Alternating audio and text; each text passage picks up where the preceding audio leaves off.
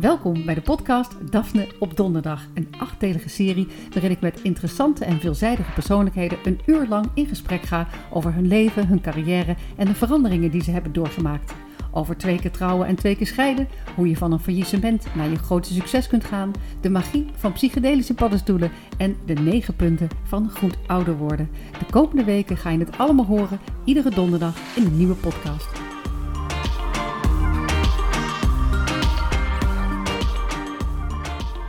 Welkom bij de podcast Daphne op Donderdag. Ik ben Daphne Dekkers en vandaag is bij mij te gast een creatieve duizendpoot die zowel met naald en draad als penseel en verf als stof en schaar en hout en steen en raffia en zelfs oude telefoonboeken prachtige stukken maakt.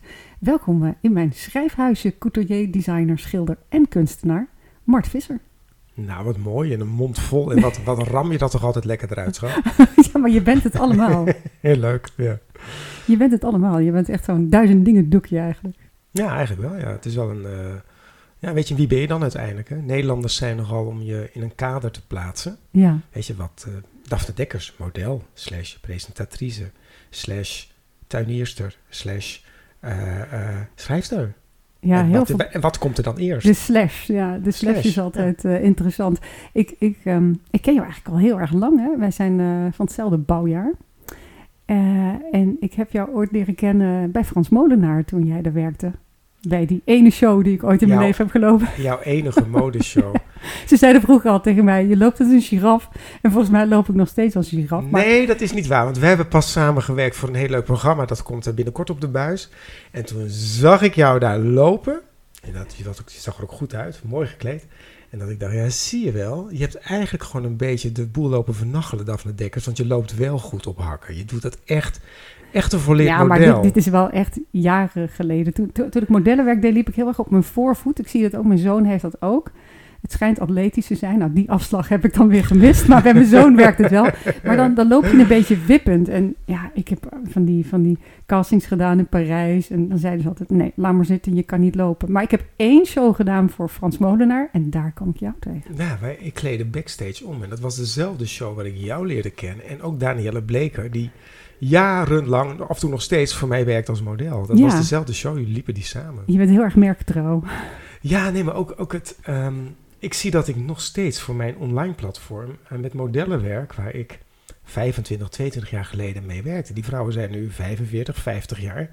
En nog steeds, weet je, dat is de zeitgeist. Dat is ook het beeld nu. Het Ja. was vroeger dat een modellenbestaan ophield. eh, nou, tot hoe, laat, tot, hoe lang heb jij gewerkt, Daphne? Nou, tot mijn 25 ongeveer. Dan was je al een soort dinosaurus. Ja, en, en eigenlijk werken de modellen nu gewoon door. Ja, Iedereen werkt gewoon door. Ik bedoel, en, en jouw modellen zijn ook eigenlijk met je collecties gewoon meegegroeid. Ik vind het zo Ja. leuk dat je nog steeds met Danielle werkt. Dat grappig echt is dat, eh, Ja. van, eh, van back in the day. Ja, en ik had ook weer eh, Candide en Annette Fauchy en allemaal van die meiden waar ik echt jarenlang mee werkte. En opeens ben je die dan kwijt en dan kom, opeens is er dan weer zo'n modellenbureau in Amsterdam met zelf een model van jaar of 50 eh, als eigenaresse. En die heeft die hele groep heeft ze weer opgetrommeld. Geweldig. Ja, toch een bepaalde authenticiteit ook, vind ik eigenlijk. Maar zo kennen wij elkaar inderdaad. Zo van we show elkaar. van Frans Molenaar. Ja, En ik denk dat dat 1989 was. ja, het is eh, al een stief kwartiertje geleden inderdaad. Holy maar shit. laten we even helemaal naar het begin gaan. Eh, jij bent geboren in Sleewijk, Mhm. Noord-Brabant. En ik heb het even opgezocht, hè, Sleewijk. Jeetje. Maar de bezienswaardigheden in het pittoreske, pittoreske Sleewijk zijn onder andere twee poldermolens van het type wipmolen. Dus ik vroeg mij af, hoe ben jij uit het land der wipmolens op het pad gezet van de couture? Nou, ik was eerder de land van de baggeraars, want mijn vader kwam uit Werkendam, een dorpje verder.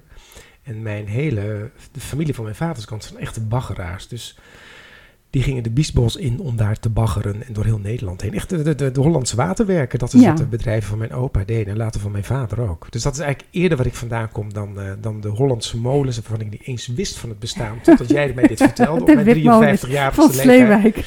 De molens van Sleewijk. Ik heb geen idee ook waar ze staan. Maar dat geeft niet. Het is dan toch het, weer... zijn, eh, het schijnen bezienswaardigheden te je zijn. moet een keer een boek over schrijven. Dat je Over kan gaan reizen door Nederland heen. en Oh, dat je dan... hey, dan de idee. molens in Sleewijk. Maar hoe, hoe was jij zo'n jongen die al zeg maar hele glamorous Barbie kleertjes bij elkaar zat te naaien vroeger? Of is dat bij jou later gekomen? Eh, nee, maar dit was ook in de tijd. In de jaren zeventig hadden denk ik heel veel moeders... eh, ook een naaimachine op de keukentafel. Ja, er werd veel gemaakt Er werd heel veel gemaakt. En eh, ook omdat de, de confectie natuurlijk gewoon veel kleinschaliger was dan dat wat het nu was. Dus ja, ik denk dat mijn hele generatie best wel een beetje met de paplepel ingegoten heeft gekregen. dat wat het was van zeg maar, zelfmaakmode. Maar daarmee leer je natuurlijk wel heel snel ehm, de technieken, het maken, het uitraderen, het knippen, het eh, met stoffen werken. En, en van alle restantjes, weet je, daar maakte ik. eh, ik kreeg op mijn vierde al een poppenhuis, want dat wilde ik. En eh, volgens mij, Barbie pop hield het bij mij 24 uur uit. En had ze al 18 kapsels gehad, waren ze kaal. En dat was dus voor, ik had alleen maar kale Barbie poppen. En daarna zaten ze helemaal ondergetekend met allerlei make-up. En, Wat vonden jouw ouders daarvan? Ja, ze zagen wel dat het. eh, mijn ouders hebben ons eigenlijk alle drie, de middelste van drie zonen, alle drie volledig vrijgelaten in onze keuzes.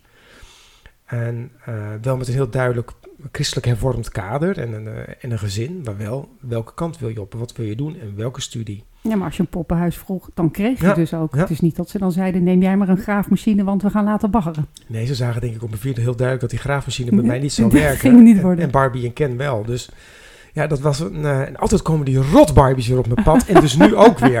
ja, maar je hebt het zelf verteld. Kloten, maar ik kom er niet vanaf, joh. maar af. Ehm, we zijn nu een documentaire aan het maken van de afgelopen 30 jaar. En ook gisteren kwamen dus weer die Barbies voorbij. En nu bij jou ook Ja, al. maar het is zo'n iconisch moment dat, dat, dat het begint vaak bij de Barbies. Het Ja, aan- en is- uitkleden van de Barbies en het opdoffen van de Barbies en het kaalknippen van de Barbies. Dat is toch... Maar hij is bij mij wel verder. Want ik kreeg later, toen was ik 11 of 12 jaar, toen kreeg ik een eh, etalagepop op mijn kamer. Die heette Lola. En daar heb ik eigenlijk ja, honderdduizend keer meer op geleerd eh, dan, dan met die Barbies eh, kleding voor maken. En iedere keer anders stylen. Want met die Barbies maakte ik later, toen ik denk ik 12, 13 was, maakte ik etalages. Dus dan knipte ik oude grote dozen open en die schilderde ik dan zwart of wit of zo aan de binnenkant. En dan had ik bakstenen in kleur. En dan maakte ik hele outfits om dan een soort mini-etalages te maken. En ik heb er maar één foto van. Zo jammer, want ik, Ja. ik had er ergens meer, maar onvindbaar.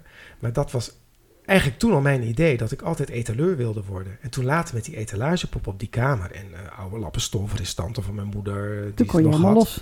Ja, dan maakte ik echt iedere dag gewoon geknoopt of gemouleerd of gevouwen. Of, eh, Hoe half- leerde je dat? Want je had nog geen YouTube eh, waarmee je zelf studie kon doen. Nee, maar je Het zat je- gewoon in je vingers. Ja, je hebt, je hebt een driedimensionaal lijf. En zij had, zij had geen armen. Eh, het, het was uit de... de ik heb, die Heb je er pop- zelf eigenlijk Lola genoemd of kwam ze Ja. met Lola? ik heb geen idee waar ik die vreselijke naam vandaan haalde. Maar die, ik heb haar gewoon zo genoemd. Ze, ze, ze heeft de brand overleefd in een textielzaak bij ons in het dorp. En zo vond ik er in de afvalbakken van, eh, na, na die brand. Dus een vriendin van mij... Gaat jouw telefoon, Daphne? Ja, dit is wel heel triest dit. Wacht even. Nee, hoor. Het is leuk joh. Huizen Dekkers, goedemiddag. Thuis een podcast maken. Hey Maar gaat Richard, hoi, eens hoe is het? Ja. Nee, ik zit even met Daphne in gesprek. Ik druk even iemand weg. Ja, oké. Ja, we pakken hem gewoon weer even op. We pakken hem op. Waar waren we? Eh, jij had eh, Lola gevonden. eh, Oh ja. Maar ehm, ik denk dat het er niet om gaat dat je wist wat je moest doen met die stoffen rondom zo'n etalagepop. Het ging erom dat je, weet je, je gooit er een lap stof omheen en je ziet de valling. Dus je hebt gewoon, je leerde dat een harde katoen niet valt en Jersey Lab wel. Als je dat soort dingen al heel jong leert, dan hoef je dat later niet meer te bestuderen of te doen. Dus het wordt een soort DNA van je. Dus uiteindelijk ligt er in die Lola, die etalagepop, ligt eigenlijk denk ik wel de, de, de kern van wie ik uiteindelijk geworden ben. maar toch denk ik dat de meeste mensen, ook met een etalagepop en stoffen, die, dat, dat vingergevoel niet hebben van zo valt een stof. Ik denk dat het toch ook aangeboren is, toch? Of niet? Voor een deel dat, dat, dat jij gewoon met dat talent geboren bent. Want ja, ik Ja. kan wel lappen, stop, lappen stoppen, eh, zeg maar, over een etalagepop gooien. Maar ik weet niet of ik de moulage dan eh, in de vingers zal krijgen. Nee, klopt. En ik denk ook dat dat gewoon, ja, weet je, eh, oefening baart kunst. Ik denk dat het ook zoiets is.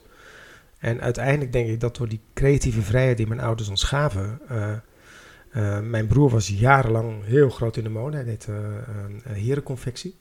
Voor alle grote bedrijven in Nederland en Europa gewerkt. En, eh, en mijn jongste broer is mijn managing director van mijn online, van martvisser.nl. Dus uiteindelijk zijn we alle drie wel met een groot stuk creatie aan de gang gegaan. En niet gaan baggeren. En niet gaan baggeren. niet gaan baggeren.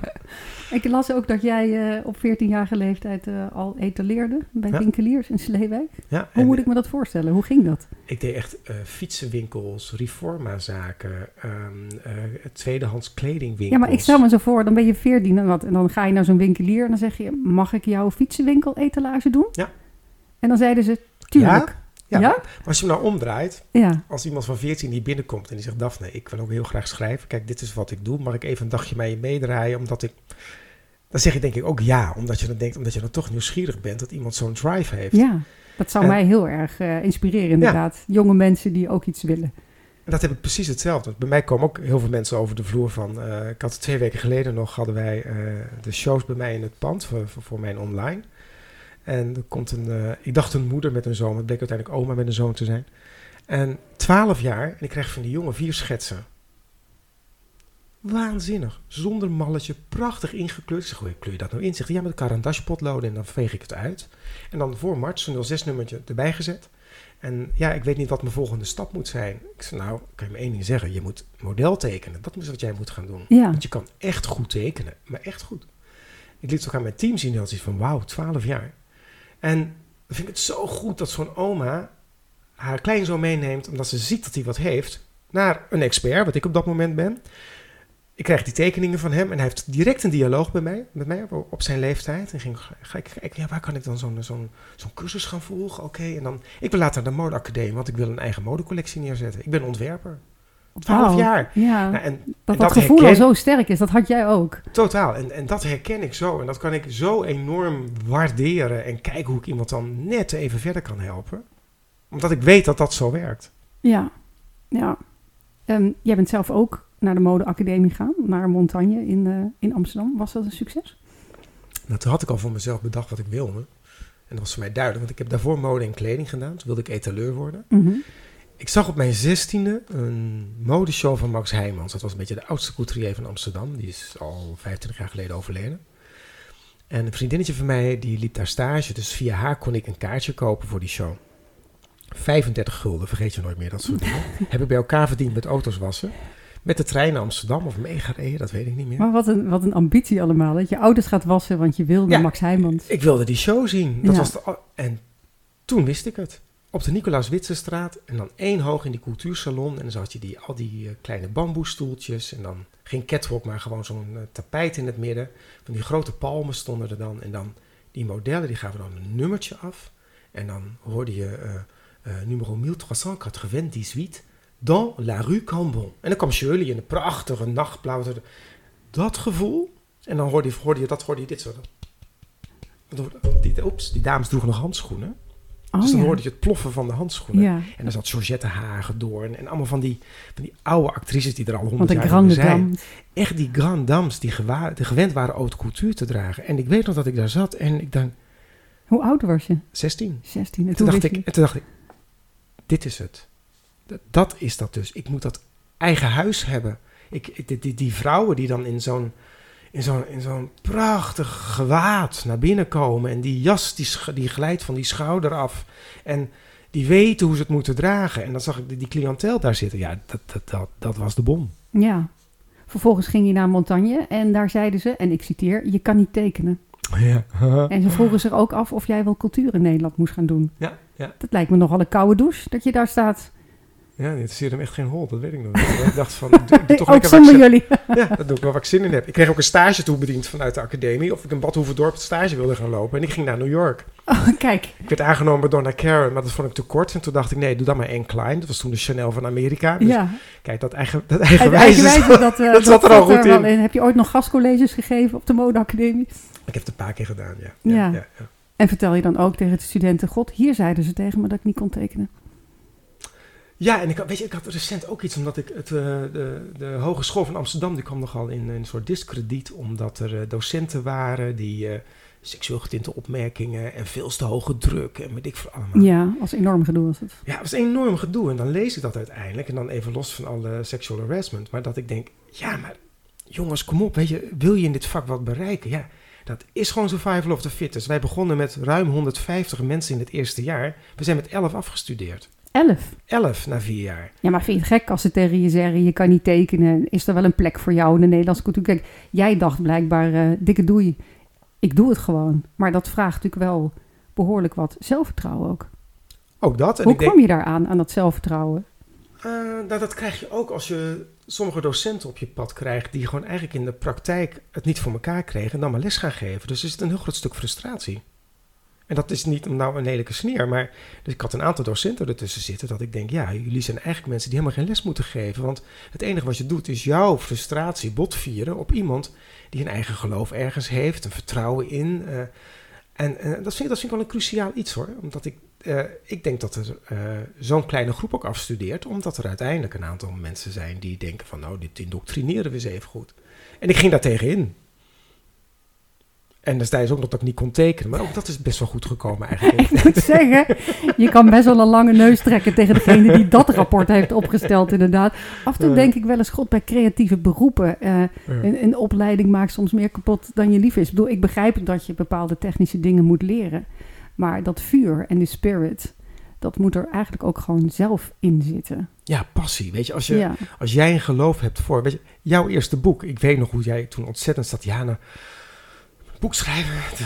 Ik, weet je, ik, ik ken al je fases eh, op dat moment. En dat is zo'n grote ommezwaai en al die onzekerheden die daarbij komen kijken. Ja. Omdat je een hele andere stap maakt in het leven. En helemaal in, ja, weet je, je presenteert Today Boulevard nog, geloof ik, hè? Eh, nou, mijn tijd. eerste boek heb ik al heel vroeg geschreven. Toen deed ik eigenlijk nog modellenwerk. Dat, was, dat ging over de internationale Ja, mode. nee, maar die heb ik nog, dat Ja. is waar. Die heb ik nog, dat- ja, Dat met die is toch wel foto's een klassiekertje hoor. Ja, grof geld voor geboden Sotheby. Ja, Maar nee, ik, ik snap wat het is om zo'n... Want dat heb je natuurlijk ook gedaan. Je hebt een, je hebt een carrière-omzwaai gemaakt, ja. eigenlijk. En dat... Als je dat doet vanuit de vorm dat, dat, het, dat het gevoel zo is dat je dat moet doen... dat je intuïtie zegt, die kant moet ik op... dan vervaagt, denk ik, uiteindelijk die buitenwereld. Als je intuïtie zo sterk is... Nou, dat was bij mij precies hetzelfde. Ik wist wat ik moest gaan doen en gaan volbrengen. En Ja, je wilde niet naar Bad Hoeverdorp.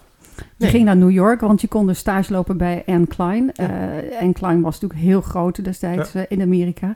Maar je liep ook stage bij de Koos van de Akker. Ja. De Nederlandse ontwerper die dus in, Nederland, in Amerika eh, beroemd is geworden met die gebreide truien voor, Bill Cosby. En daar moet ik dus even bij zeggen, dat was dus voor zeg maar al die verschrikkelijke schandalen die later over Bill Cosby naar voren kwamen. Want Bill Cosby was in die tijd natuurlijk ongelooflijk beroemd. Ja. En die truien die hij droeg, heb ik ook die, nog, heb ik ik wou zeggen, ja. breide jij ook nog de truien van Bill Cosby? Nee, het was niet breien. Wat hij dus deed, Koos, was dat hij bij alle stofleveranciers vroeg hij de oude stofkappen op. Dus dat wil zeggen, dus een kartonnetje aan de bovenkant, er staat op dat het 100% wol is, een bouclé, en dan hangt daaronder, ongeveer op een Zo'n lap. A4 grootte, hangt er, hangt er een stukje stof aan. Je ziet het wel eens in de stoffenwinkel.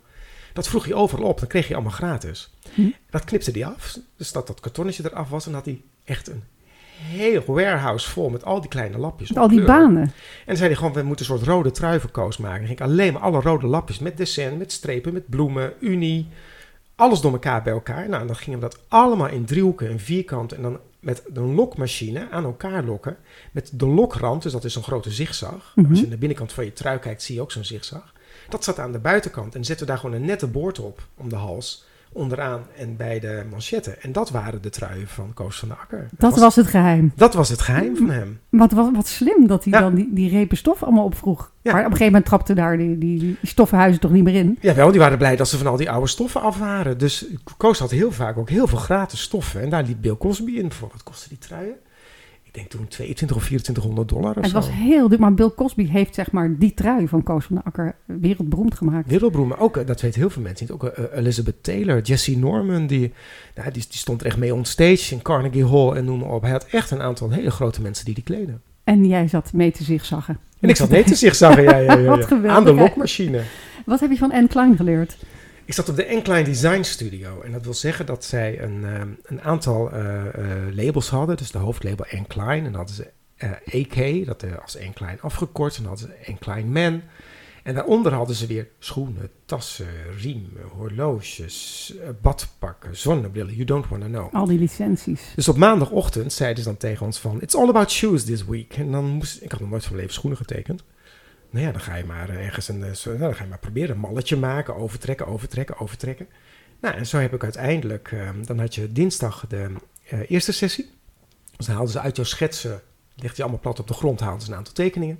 En dan had je dat woensdag aan het einde van de dag nog een keer. Donderdag final. En dan vrijdag alles helemaal doornemen van wat dan de uiteindelijke collectie werd. En dan de volgende maandagochtend was It's all about bags. dacht ik, oh shit, tassen. Kunnen we tassen getekend? Kan ik tassen tekenen? Maar, ehm, Wat een eh, geweldige leerschool. ja, want ze lieten mij een beetje in de hoek zitten als de volgende intern. Maar toen merkte ik steeds vaker dat mijn tekeningen eruit waren. En ik maakte altijd serietjes van vijf, zes of zeven. Op een gegeven moment dacht ik, hey, ik mis, die, ik mis die, eh, die platte instap en ik mis dat halve laarsje. En toen dacht ik, oké, dus ben, ik, Mm. ben ik er teruggegaan. Ik zei, Jongens, luister, als jullie mijn werk willen gebruiken, is prima. Maar daarom zit ik hier. Maar dan wil ik wel graag bij die meetings zijn. Nou, daar heb ik het meest van geleerd. Oh ja? Door te kijken van, weet je, wat is dan een DNA? Wat is een handschrift? Wat is een signatuur van het label Ja. Enkline? En er was nog voor welk label binnen Enkline het dan was. Want een was meer sneaker en de ander was meer een, eh, een hoge hak en een laars. En zo ging je daar dan naar kijken. En dan werd het iedere keer weer teruggebracht van... No, but that's our DNA. En and, and that's, that's her who wears Enkline. And that's an Enkline look. En, en door continu zo te denken... Zo werk ik nog steeds. Ja. Ik breng het iedere keer weer terug... Naar, zelfs naar die 30 jaar waarin ik nu bezig ben... Naar dat wat eigenlijk mijn eigen eh, Jouw kader is. Ja, ja. Ja. Oh, wat bijzonder eigenlijk. hey, en eh, buiten de studio, eh, was, waren het de wilde New York jaren? Kijk, je zat natuurlijk niet in Bad Hoeverdorp. Was dat nog Studio 54? Of ging je iedere avond heel braaf op tijd naar bed? Nou nee, dit was wel de Limelight en zo had je toen nog op, wat was dat? Op Sixth Avenue geloof ik. Ja, Sixth Avenue. Daar 20th kennen ze je nu nog, wou je zeggen? Nee, van, nee, nee, Je nee, jaren. New York. Nee, maar ik had toen, ik had een, toen ik drie maanden daarvoor naar New York ging, heb ik eh, een of andere leuke man leren kennen, die heette Brad. Brad, echt een Engels, kon, een Amerikaanse konie. Dus toen ik daar drie maanden terug was, eh, had ik eh, Brad, nou, gezellig ergens een borrel meegedronken. En toen zei hij van, we kunnen naar de Limelight, want toen kwam hij niet in. Zegt hij, want ik ken de, ik ken de, de doorman. En ik kom daar binnen in, in de Limelight. En ik vergeet ook nooit, het was in de tijd dat Dolce Gabbana die loodstrakke corsetten had, die helemaal vol waren gezet met grote stenen. Met van die korte broekjes. Isabella Rossellini was toen in model. En er stond een meisje on stage en die had een soort riem om. om en er was een vent die hield daar beet aan die riem. En ze deed helemaal van die backfalls met de rug naar achteren. In dat corsetje van die Dolce Gabbana. En dat is een soort beeld wat me altijd is bijgebleven. Maar jij denkt volgens mij altijd in kleding ook. ja, Dat je associeert kleding met dat was toen in de limelight. Dat meisje had dat aan uit die collectie. Ja, en, zij danste als een soort, ja, weet je, het, wa- het, wa- het was zo eigen. Het was zo, en, en dat was de, de tijd dat het zo individueel was in New York. was een hoog aidsgehalte destijds. Hè. Je wist niet wat het was. En zoveel mensen stierven aan, aan aids op dat moment. En dus het was, je kon ook maar één ding doen. En dit was, dit was eh, de, de, de, het contra er tegenover. Volledig uitgaan. gevoel. Ja, Ja. dansen op de vulkaan. En dat was echt wat, dat- wat zij daar liet zien. En ik zat er naar te kijken en ik denk, ja, dit is zo niet mijn... Dit staat zo ver van me af, dat voelt je gewoon.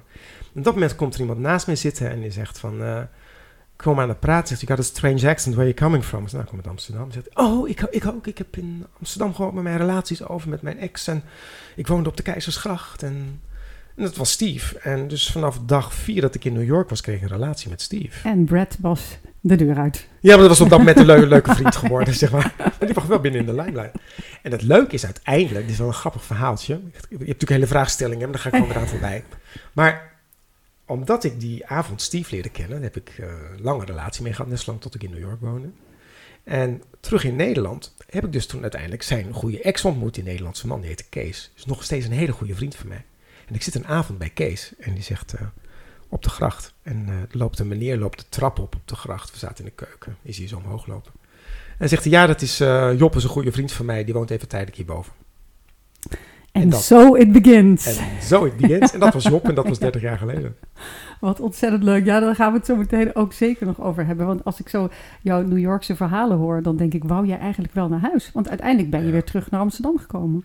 Mijn moeder kwam eh, met mijn oudste broer André. En eh, toen hij uiteindelijk wegging, stond op JFK. Ik had hem weggebracht. Toen deed ze haar tas open en ze had Steve ontmoet. En Steve was 42, ik was 21. En deed haar tas open, toen kreeg ik een one-way ticket terug wanneer ik wilde. Drie weken later was ik thuis. En hoe kwam dat? Omdat het in die tijd was New York wel echt survival of the fittest. Ik was een student, ik had geen geld. En geen geld op Manhattan is, nou ja, dan weet je, dan, eh, dan, dan Dat is- een dubbel pech. Ja, het is een dubbel pech, dan is er niks te doen. En ik, eh, of je kon ook helemaal niks doen. En het was toch dat ik dacht, nee, ik, ik, ik hoor hier niet thuis. Ik paste niet in New York. Je hebt er wel heel veel geleerd. Heel terug veel. naar Amsterdam. En toen Ik- ging je bij Frans Molenaar werken, vier jaar. Wat was dat voor man, Frans Molenaar? Nou, ik werkte al uh, sinds 88 voor Frans en ik ging in 91 toen naar New York. Dus um, in die tussentijd heb ik, uh, dat ik in New York zat, is het de enige periode dat ik dus niet bij Frans werkte. Maar toen ik uiteindelijk afstudeerde, heb ik vier jaar lang voor Frans gewerkt. Uh, tijdens en naast mijn opleiding. En toen ben ik direct voor mezelf begonnen. Dus die via Frans hebben mij wel, ja, heb ik gewoon de cultuur in Nederland leren kennen. Ja. Zoals ik jou dus toen ook leerde kennen. Zo, hoe werkt het met modellen? Hoe werkt het met die cultuurcliëntel? Waar je stoffen vandaan? De ateliers, uh, het cultuursysteem aan zich, hoe werkt dat?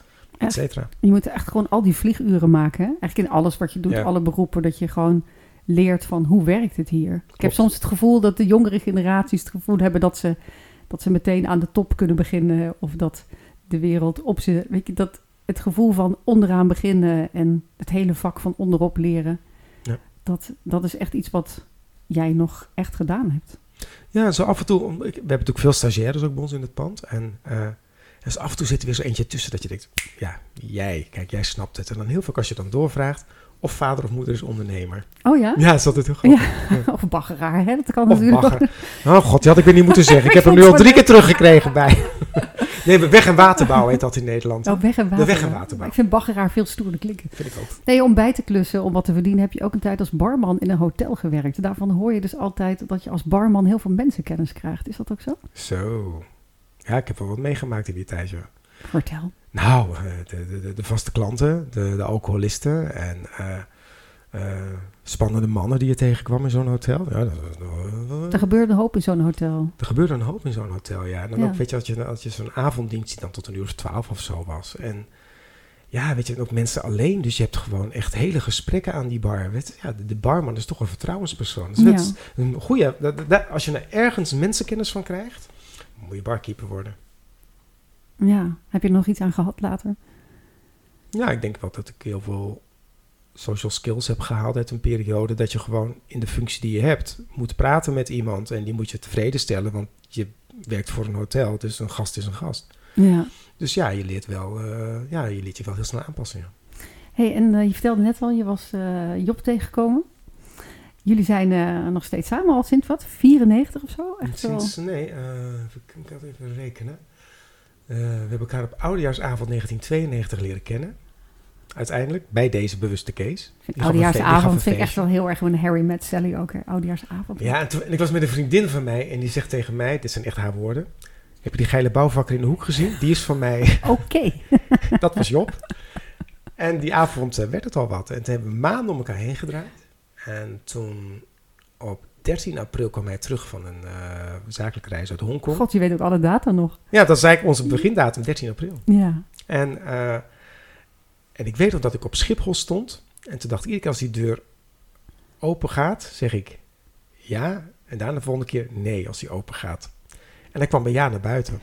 serieus, serieus. Want ik, na al mijn Kijk, dat zijn de drama's, na al mijn drama's met Steve, dacht ik, nee, dit gaat het gewoon niet meer worden. En toen begon mijn carrière al. En ik dacht, ja, nee, maar dit, dit, dat moet ik niet meer doen, dit. En ik had al maanden om je op heen gedraaid. En opeens, ik had zijn auto. Dit, dit, dit is de tip voor iedereen.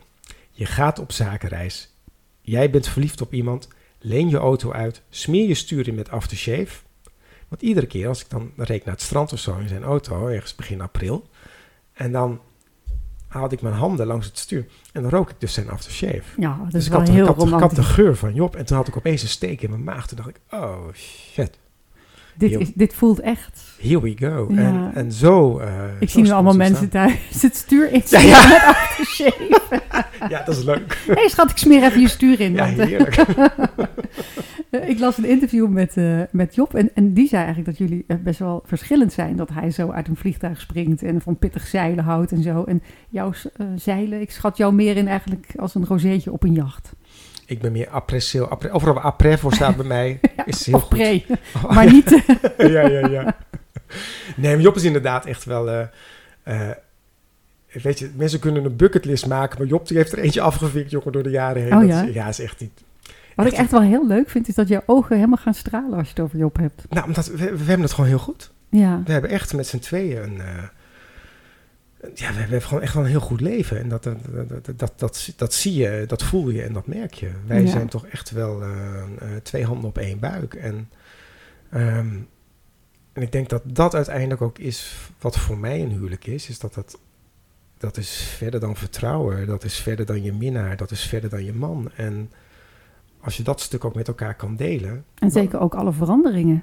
Zeker, ja. weet je. En wij hebben ook een heel ander leven nu gekregen dan dat wij dat eh, eh, tien jaar geleden, twintig jaar geleden, of zoals we dat nu hebben. Je moet wel meebewegen met elkaar. Vooral meebewegen en ook openstaan voor eh, al het nieuwe wat van buiten kan komen, wat je, wat je enorm kan, kan versterken, wat je samen kan versterken, wat je samen fijn vindt, waar je, waar je samen om kan lachen en huilen. En het plezier wat je samen hebt, als je dat stuk kan delen, elkaar nog een stukje erin vrij kan laten. Ja, het zijn alle clichés, maar het is wel the way it works. Ja. Want jij bent nu ook, hoe lang ben je, Richard? 22? Ehm, ja, nee, veel langer al. Sinds eh 1994, 94. ja, nou ja, we gaan er samen op, joh. Ja, inderdaad, ja. My god. Maar ik las Ja, want ik was met Richard nog tot van 88. 88 de jaren daarvoor.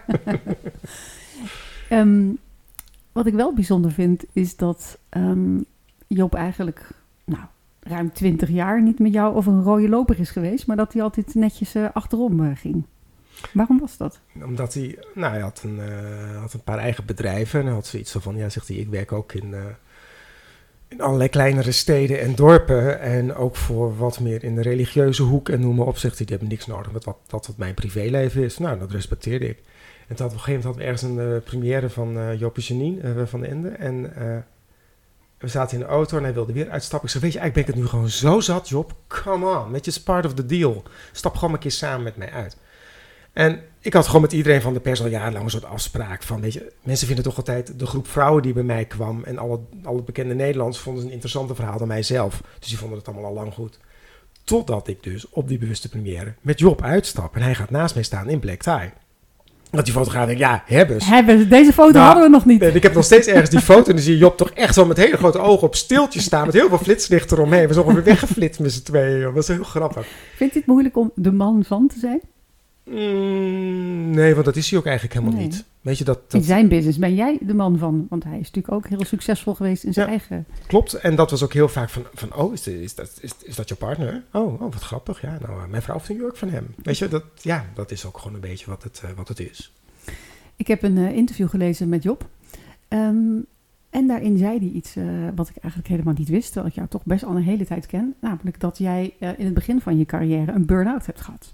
Ja, het was ik 27, 28 jaar. Hoe kwam dat? Eh, geen grenzen, er helemaal voor gaan en eh, jezelf helemaal geven. En ik liep eigenlijk leeg op mijn cultuurcliënteel. Oh ja? Ja, ik gaf mij zo ontzettend met zo'n enorm verantwoordelijkheidsgevoel. En, en de ene dame gaat er goed mee om en de andere die, die zuigt zich als het ware leeg, zeg maar. En dat is, als dat regelmatig met je gebeurt, dat was op een gegeven moment voor mij de... Ja, het was, het was gewoon allemaal te veel. Ik was te jong. Ik had, eh, Het is heel persoonlijk, hè, het contact, denk ik, met culturenklanten. Och, Want je zit iemand ja. letterlijk op de huid. En dat is ook wat ik nu heel erg veranderd heb. eh, ook, ook door die hele coronaperiode. Dat ik dacht, weet je, ehm, we zijn zo'n mooi groot online platform geworden. Eh, de cultuur doe ik alleen nog maar, zoals ik het zelf zeg, bij Gods gratie. Voor de mensen die mij weten te vinden, een afspraak maken. En, en dat is de enige manier waarop ik nog wil werken. Niet meer met hele grote collecties en shows. Het is niet meer iets van nu. Dat merk je aan van alles. Ja, Als mensen iets moois willen, dan weten ze toch wel dat ik het maak. En dan is het aan mij of ik dat wil gaan doen of niet. En ik heb al een aantal mensen gezegd van... nee, sorry, dat ga ik niet doen. nou ja, dat is de fase dus waar, waar je nu in zit. Maar als we even teruggaan eh, naar het begin, zeg maar, van je cultuurcarrière... eh, die liep eigenlijk vrij snel heel goed. Je bent heel snel eh, succesvol geweest, ehm, heel bekend geworden, allerlei eh, actrices, presentatrices, eh, politica's. Je hebt zoveel bekende vrouwen gekleed. Wat, wat was het geheim van jouw succes? Wat is de, wat is de Mart Visser vrouw? Hoe wist jij zo goed aan te voelen wat die vrouwen graag wilden dragen? Nou, dat heeft ook wat te maken met, met het... Nou, is misschien ook wel een stukje... juiste persoon, juiste tijd, juiste plaats, juiste collectie, juiste maanstand. Ik denk dat daar ook wel echt een stuk in zit. De juiste maanstand. Juiste, ja, Heb jij ook de kalender? ja, ja, bij wijze van spreken wel, ja. Nee, nee, nee, maar het is serieus. Ik denk dat het... En ook met een enorm... Die passie, denk ik, dat dat erin zat. En mensen zagen het enthousiasme. En die documentaire die we nu aan het maken zijn... Ik heb ook ergens zo'n filmpje ergens, weet je... 1999 of zo. En dan zie je me backstage tijdens die shows, jongen, rennen. En nog een hoed op en een oorbel eraf en een riem eromheen. En nog allemaal last minute. En eh, dat model moet... Ja, joh, ik ging. Ik ging, ik ging, ik ging. Maar jouw shows waren ook een tijd lang echt een enorm glamour-evenement. Ja, in het. Hilton, Ja. met allemaal cameraploegen erbij. Er stond op een gegeven moment van, eh, wat moet je zien dit seizoen? En er stonden er vijf dingen op een rij en dan stonden wij nummer twee. De een was de haringparty daar en daar. En de twee was de cultuurshow van Mart Visser in het Hilton. Na de haringparty. Ja, de haringparty moest Ja, maar de culturenshow van Mart Visser in, in het Hilton, dat, dat is echt een hele tijd, is dat echt ook een soort Ja. society-evenement geweest. Ja, en ik weet wel dat ik toen in die tijd Daphne ook wel eens had. Dan kwam ik daar weer binnen en denk ik... Oh, daar sta ik weer. Ben ik dat weer aan het doen? Weet je wel? Dat Het krijgt iets repetitiefs, denk ik. Ja, Eh, ja, ja, ja. Maar is dat ook iets wat je van je burn-out hebt geleerd? Van ik moet af en toe gewoon een beetje gas terugnemen. Want volgens mij ben je iemand die door roeien en ruiten gaat als die eenmaal iets doet. Ja, en dat is nu allemaal wel wat meer eh, gekaderd geworden en rustiger en noem maar op. Maar in die tijd ja, ging ik wel echt door, in het, precies wat je zegt, door roeien en ruiten en, en maar door. En dat maakte uiteindelijk dus ook dat, ik die burn-out had. En dat heeft me iets van, ik denk, zeven, acht maanden gekost, zeker. En eh, dat is ook mijn slechtste collectie ooit. Weet je, dat, dat, dat soort dingen krijg je dan. Alhoewel ik hem pas weer terugkeek, dat ik denk, ja, er zat eigenlijk dan nog best een paar hele goede items tussen. Ik heb ook nog een stukje ervan in mijn documentaire gezet. Oh ja? Ja, omdat ik dacht, ja, dat, dat vond ik wel goed en dat vond ik goed. Maar het, ja, ik denk dat je je uiteindelijk vormt. Ehm Joppie heeft eh, twee jaar geleden een hele zware burn-out gehad. En daar is hij nu gelukkig helemaal uit. En dan zie je dat het altijd nog, een- nog wel een paar gradaties erger kan, ja. Zag jij dat aankomen bij hem vanuit Ja. je eigen ervaring? Ik denk dat hij dat eh, zes jaar geleden eigenlijk ook al een kleintje heeft gehad. Toen heeft hij al zijn bedrijven weggedaan in één week tijd. Zo. Ja, echt heel rigoureus. En toen is hij alleen maar... Nou, toen, toen heeft hij een heel groot gedeelte van die bucketlist volbracht. Echt, ik was hem alleen maar... Ik zei, wat ben je dan nu? Ja, nee, we zijn in de Grand Canyon. En, wat ben je dan nu? Nee, we Sint Bart hebben we nu een regatta. En echt serieus, dat, dat, dat was het dan ook. Het is wel heerlijk dat je iemand ook zo kan laten gaan. Hè? Van ga gewoon de dingen doen die je blijkbaar niet gedaan hebt. Ja, en ik weet nog ergens dat hij... Hij was ergens aan het zeilen in de Caribbean. En ik had een presentatie in Nederland. En daarna vloog ik ook daar naartoe. Maar hij was met een aantal Brabanders. En Job die komt uit Brabant. En eh, dus na een week, en waren nogal luidruchtige Brabanders. Dus ik het was ook Sint Bart. Ik land op Sint Bart en hij staat daar. Hij zegt, hé hey Martin Oberhard. Dus ik kijk ik zeg, wat heb jij? Heb ik je nou, ik zeg, joh, dat heb jij nu. Je praat opeens, hij is echt ABN. Je, hij had gewoon, hij sprak helemaal Brabant na, na zeven dagen. Helemaal gewoon eh, onderbedolven te zijn onder de Brabantse man. Dus ik moest echt zo lachen. Ik zeg, zie je wel. Je krijgt het, eh, je kan de aard van het beestje toch niet veranderen. Nee, er zit toch gewoon in. Kan de jongen wel het Brabant halen, maar Brabant niet uit de jongen. Exact, ja. Sinds ik jou heb leren kennen, ben ik ook best wel vaak door jou gekleed. Ik Oh, ik ja. eh, herinner me een van die, van die verhalen die... Ik heb het al vaker verteld, maar dit, ik, dit- ik heb me altijd herinnerd dat wij samen gingen naar zo'n zo'n zo'n première. En ik had zo'n enorme baljurk van jou aan. En, ik jij was toen- zwanger. Ik was zwanger. Van Alec. En toen eh, op de terugweg had ik zo'n zin in een vette bek. Van als je zwanger bent, dan wil je altijd vette dingen eten. Tenminste, ik had het heel erg. Dat we toen samen bij de McDonald's zijn gestopt. Bij zo'n eh, zo'n afhaalpaal. En Ja. allemaal kipnuggets. Ja, en toen weet ik dat, met zo'n grote bak met chauffeur, die reed ons. En, dan echt, Ja. die, en die reed door mij het raampje naar beneden. bij de McDrive. Ja, en ik zie die mevrouw nog met dat kapje op van de, van de McDrive en zo van, hè? Eh, wat precies? En je had die servetjes allemaal zo over die prachtige robben gelegd. En hop, die kipnuggets erop. Ja. Toen dacht ik, ja, dat vind ik eigenlijk wel... Zo ben jij, weet je. Je bent dan wel couturier, maar het, het, het, is, het is niet zo dat je heel erg gehecht bent aan al je stoffen. Of dat je heel erg... Nee, je moet ook gewoon leven, Je je moet moet je gewoon weer gedragen. En ik weet ook nog, volgens mij was dat niet dezelfde avond of een keer ergens anders, Daphne. Dat jij op een gegeven moment ook, je had iets van mij aan en dat zat zo strak, maar het zag er zo beeldig uit op de, op de rode Het was een loper. corset, was dat Een volgens corset. mij. En toen ging jij zitten. Maar ik trek- Toen ben je naar voren gaan leunen, terwijl we al zaten in het theater. Heb ik je, heb ik, weet kan je nog, Helemaal heb, los heb je helemaal losgemaakt aan de achterkant. En die mensen achter ons al zoiets van, ja, wat is Oké, dit nou? wat gebeurt En ik zie jou opeens weer ademen, weet je wel. Oh ja, corsetten, dat is niet... he- Het staat mooi, maar jezus, het is niet helemaal mijn ding. Nee. Ja, je hebt een trouwjurk ook gemaakt. Ja. Een soort hele mooie jasjurk. eh, die ik dan voor overdag, die ik dan s'avonds uit kon doen, waar de avondjurk al onder zat. Ja, dat weet ik Heel veel Swarovski's zaten erop en parels en zo. En ehm, een jurkje voor Emma. Die was toen bruidsmeisje. Haar eerste couturejurkje, ze wou het meteen niet aan op het Moment Supreme. Want er zat ik van die eh tulle zat daarin. Dus, Oh, eh, dat was, dat was de tule dat uiteindelijk. was die? Dat- dat ja. was En dan, eh, ze was één jaar en ze trok dat aan. En meteen enorm huilen, snottenbellen. En uiteindelijk... eh, Ze was toen al lastig. nee, Emma is niet lastig. Emma is eigen gereid, heet dat Oh, toch? eigen gereid heet eigen dat. gereid. Ja. Ehm, Je hebt ook nog een jurk voor mij gemaakt voor mijn 40e verjaardag. Een rode en een blauwe voor de inhuldiging van Oh ja, eh, die- Willem-Alexander. ja, vond ik- eh, vond ik ook wel ontzettend mooi. Ja. Maar wat ik het allerleukste vond eigenlijk is dat Emma later nog voor een van jouw culturencollecties heeft geposeerd. Toen vond ik de cirkel echt helemaal rond. Ja, mooi was dat. Hè? Ben- Ook zo schattig. Toen kwam ze met Richard ochtends aan. Echt zo van, de vader zet de dochter af, want die gaat de modellenjob doen. Dat Ja, vond ik echt zo'n zo'n momentje, weet je wel. Zo Oh, toen ik haar zag in jouw jurk, dacht ik, jeetje, ik ken je al zo lang. Je hebt zoveel mooie dingen voor mij gemaakt. En nu staat Emma gewoon voor jou te poseren. Ik vond het echt wel een? Bijzonder moment. Wat ik ook een bijzonder moment vond, is dat ik Emma voor het eerst meenam ehm, naar een van jouw shows. En dat zij toen tegen mij zei, mam, wat leuk, Mart gebruikt echte vrouwen. Ja. En zo is het, jij gebruikt echte vrouwen. Ja, klopt. En dat vind ik ook. En ook grappig dat Emma dat zegt. Want ik zag haar natuurlijk een paar maanden geleden eh, met jou. En ook, weet je, Emma is natuurlijk ook gewoon, weet je, gewoon eh, goede borsten, taille heup. Weet je, gewoon goede Hollandse rondingen. Weet je, en dat is, dat is de realiteit. Een Ja. gemiddelde Nederlandse confectiemaat is 44 plus. 44 plus. 44 plus. Ik sprak een directeur van een eh groot lingerieketen en die zei eh, in 10 jaar tijd is de gemiddelde cupmaat van een Nederlandse vrouw van C, C80 naar dubbel D85 gegaan in 10 jaar tijd. Met Dat dubbel D85, moet je even kijken, dat is echt een, dat is een flinke cup hè. Ja, En, en hij zit, tegenwoordig heeft hij een beetje gemiddelde ehm eh, eh, linge- lingerie eh. Gewoon 18 maten.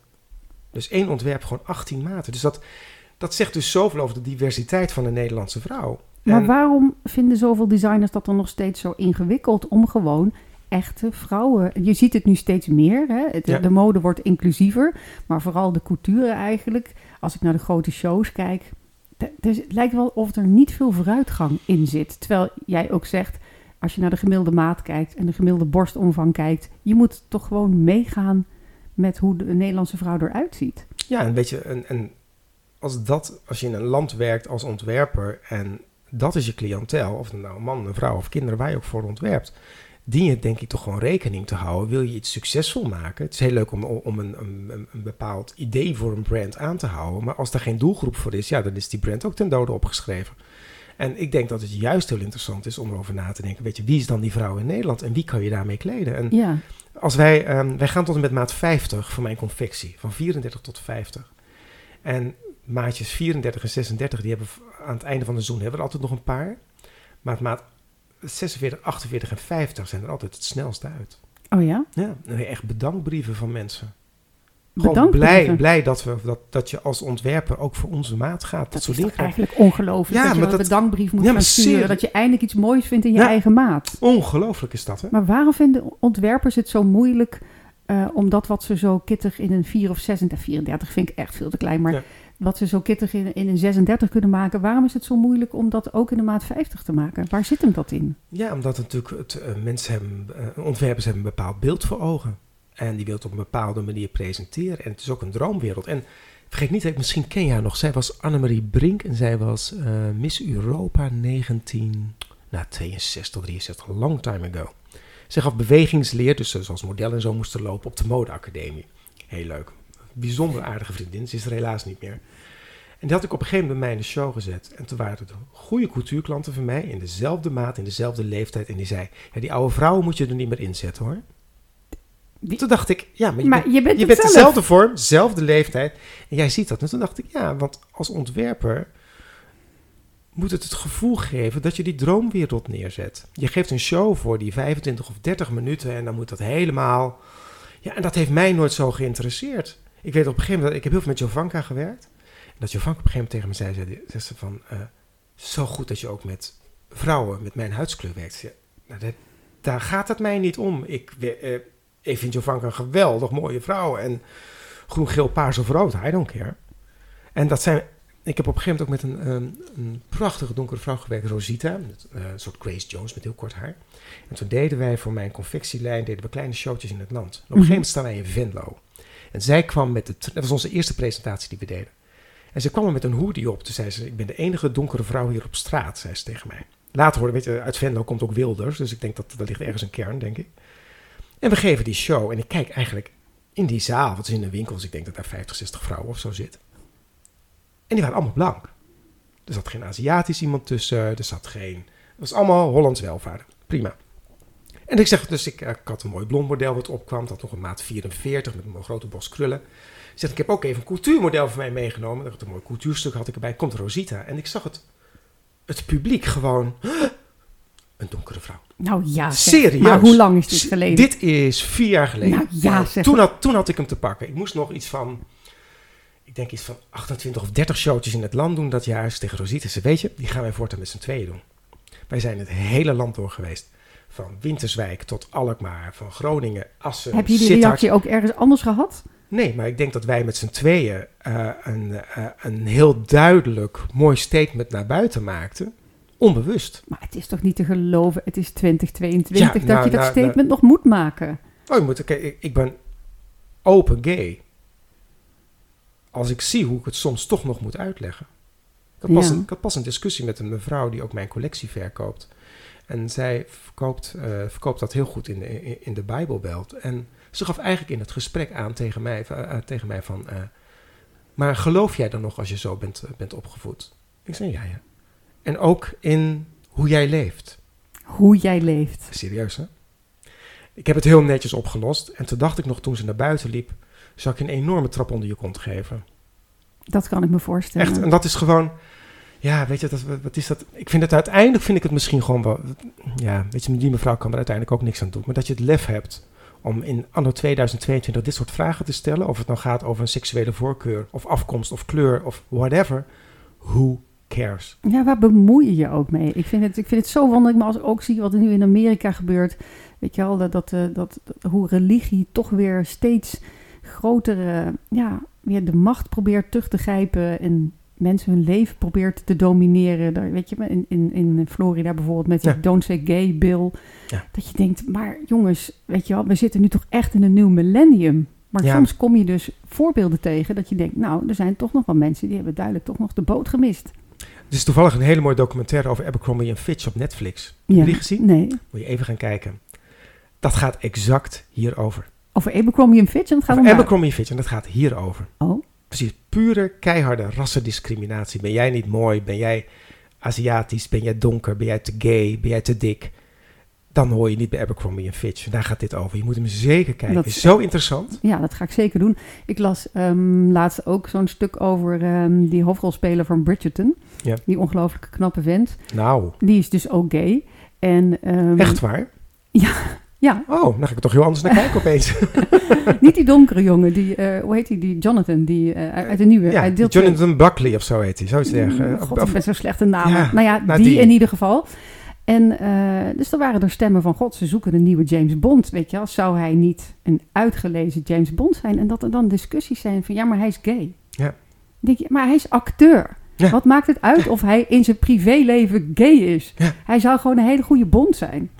Helemaal mee eens. Maar ja, En dan denk je, hoeveel decennia moet hier nou toch nog overheen gaan? ik denk dat dat nooit gaat veranderen, Daphne. Echt Echt niet? Nee. Er zijn altijd, weet je, dan mogen wij blij zijn, denk ik, in een environment waar jij en ik in leven. Weet je, we zitten ook een stuk in Amsterdam en hè, we zitten toch in de creatieve hoek. En dat, dat ja, dat, Soms heb ik het gevoel inderdaad dat we in een bubbel zitten. wij zitten Want absoluut in, in, een bubbel. Hilversum, in de modewereld, eh, maar ook eh, in de boekenwereld. Weet je, het is, het is zo'n geen issue in deze Nee. wereld. En dan inderdaad, dan, als je naar Venlo gaat en mensen verbaasd zijn dat je donker model... Dat, dat zijn dingen die kan ik me bijna niet voorstellen. Ja, maar dat, dat, daarom schrokken wij dus ook zo enorm. Echt, maar... En uiteindelijk hebben wij dus, eh, heb ik samen met Rosita er een enorm statement van kunnen maken. En dat, eh, eh, zonder dat mensen het eigenlijk door hadden. Ja, En wat lieten we zien? Was mooie kleding op een prachtige vrouw. ja, Waarin een ontwerper uitlegt en zegt, kijk eens hoe mooi dit is. En dat is wat we uiteindelijk deden. ja, ja, good for you. Hey, een van de grootste veranderingen uit je carrière is dus dat je online bent gegaan. Je noemde het net al eventjes. eh, Dat Ja. werd in eh, 2015 eh, ingegeven door het eh, faillissement van, eh, van V&D. Dat was een enorme domper voor jou, het faillissement van eh V&D. Ehm, dat heb jij omgedraaid in een enorme verandering. Hoe, is dat, eh, hoe is dat gegaan? Nou, wij merkten al, eh, ik denk ruim een half jaar, dat het aan alle kanten eh, niet meer zo zuiver was binnen V&D. Met heel veel geschuif en gedoe. En was de derde CEO op een gegeven moment. En, ik denk- en toen hebben wij al, zijn we zelf al online gestart met een eigen schoenencollectie. Mhm. Omdat ik dacht, en dat mocht ik met gods, van Gods gratie ehm, van V&D wel doen. Ik had hele sterke contracten. En, en daarmee hadden, hebben wij de basis kunnen leggen van wat later martvisser.nl werd. En toen zij op... eh, kerstavond in surseance van betaling gingen. Om vier uur 's middags, geen advocaat Oh, meer te wat een krijgen. topdag ook. Gingen ze een week later, waar ook echt van die onmogelijke dagen tussen kerst en oud en nieuw, met nog een weekend ertussen. Niemand te vinden, niemand te krijgen. En een week later waren ze dus failliet verklaard door een groot overkoepelend orgaan uit Amerika. En binnen 24 uur tijd heb ik mijn team vergaard bij elkaar in een groepsapp. Goede mensen van V&D weggehaald eh, met mijn eigen team. Ehm, dus jongens, ik kan dit zelf gaan doen. Ehm, eh, wil je met me mee? Eh, wil je erin meedoen of wil je bij mij in dienst? Nou, iedereen wilde graag bij mij in dienst. Dus Maar het was natuurlijk wel een enorme financiële domper. dit was er. Ja. Ik ben tonnen kwijtgeraakt daar. En ik moest gaan investeren in een hele nieuwe collectie en neerzetten. Dus dat Ja. was echt een... eh, toen ik start had, was, dat was zeven cijfers wat ik nodig had. Jeetje. En toen dacht ik... Je ja, zei toen ook van, het was de eerste keer echt in je carrière dat je je, je jaren negatief afsloot. ja, Dat moet toch ook wel ongelooflijke domper zijn. Ook dat. En we hadden op een gegeven moment zoiets van... In die tijd, ik kreeg ook geen bank mee. Terwijl we alleen maar goede cijfers hadden. En maar ja, mensen vonden confectie eng worden. En, eh, En online was het ook... online was toen nog zes, zeven jaar geleden een ding... dat ze dachten, eh, moeten we dit wel doen? Je kan het je nu bijna niet meer voorstellen, maar nee, het was wel was zo. wel hè? zo. Er zaten ook helemaal niet veel eh couture mensen of pret à Dat, dat, ja, nu zit iedereen en de wereld eh, online. Maar destijds was het natuurlijk best wel een stap die je deed. Het was een enorme stap en ik geloofde het wel. En we hebben er negen weken over gedaan om een hele collectie neer te kunnen zetten. En al die huilende fabrikanten die we hadden, nog van V&D, want die kreeg ook niet betaald. Die hebben we allemaal gezegd, nou wij nemen de stok van jullie over van wat mijn label is, voor dat bedrag. En we gaven direct een grote order voor een nieuwe productie, want we moesten natuurlijk die webshop gaan vullen. En eh, in diezelfde negen weken tijd heb ik, ehm, ik, had door de ja, ik had die mooie panden eh, tegenover het eh Van op de Paulus Potterstraat. En er was een meneer die was er al jaren in geïnteresseerd. Dacht ik, nou, is dat toch de oplossing? Dan heb ik geen bank nodig, dan kan ik het helemaal zelf doen. Dus ik heb volledig zelf, met een heel groot risico... Ik wou net zeggen, je, je vertelt het. Kijk, het is een heel groot succes geworden. Maar Ja, je vertelt, dus je kan het nu makkelijk vertellen. Maar je, weet je, je geliefde panden eh, wegdoen. Ja, dat is best een. Eh, een paar ton die je moest ophalen ergens.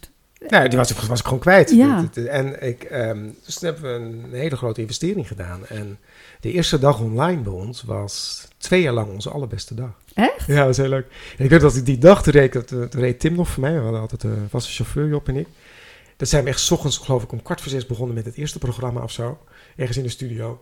En halverwege de dag gingen er steeds meer afbellen wat ik s'avonds had staan. Want ik had boulevard staan en dingen. Alles hadden we geregeld. Ik zei, jongens, heel, heel simpel. Ik ben heel eerlijk met jullie. Ik heb dit nu nodig. Ja, ik moet We hebben, geld ons, we hebben ons groot ingehuurd destijds bij, bij Boulevard en SBS Show News, noem maar op. Met V&D, we hebben geadverteerd. Jullie hebben tonnen verdiend aan mijn collectie, noem maar op. Nu moet je mij helpen, want ik heb dit nodig. Ja. Niemand heeft afgezegd.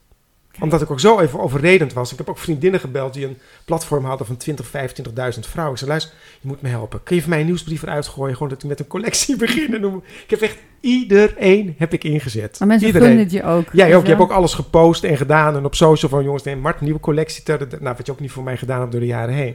En ik denk dat dat het ook het mooie is. Dat je ergens op een, op een vlak terechtkomt. Dat je gewoon, als je dan hulp nodig hebt, dan zie je ook de juiste pionnen om je heen. Dan en zijn die de mensen begrijpen. En die voor. zijn er dan Ja. gewoon. Dat is heel mooi. Maar wat heb je allemaal wel niet geleerd over online verkopen? Want je bent er echt gewoon een meester in geworden. Ja, dat kunnen we echt, ja. Want het is heel anders dan in een winkel verkopen of online verkopen. Want een zwart jasje doet het niet zo goed. Nee. Maar als je een, witte biest eraan toevoegt, dan opeens wel. Omdat je dan op je... Je ziet nu dat gemiddeld, zeg maar 65% van de mensen je nieuwsbrief opent op een iPhone. Dus die foto is zo groot als een klein lucifersdoosje, maximaal. En dan heb je nog je grote iPhone. zeg Dus je moet impact maken met een kleine Dus je moet- foto. impact kunnen maken. Want het is dat moment dat je kijkt, oh, daar wil ik meer van weten. Dus wij, ook heel vaak als we de fotoshoot doen, dat is gewoon bijna iets wiskundigs. Van hoe komt deze jurk het beste eruit? Dat je op dat kleine plaatje ziet dat het een wapperende rok is en dat het één geheel is in een jurk. Het zijn hele simpele dingen, dus je moet heel erg uitdefiniëren met dat wat je ontwerpt. Ja, En dus je gaat op een wat hele een andere... verandering voor je. Totaal. Totale verandering. Dus ja. het, je moest opnieuw leren mode verkopen eigenlijk.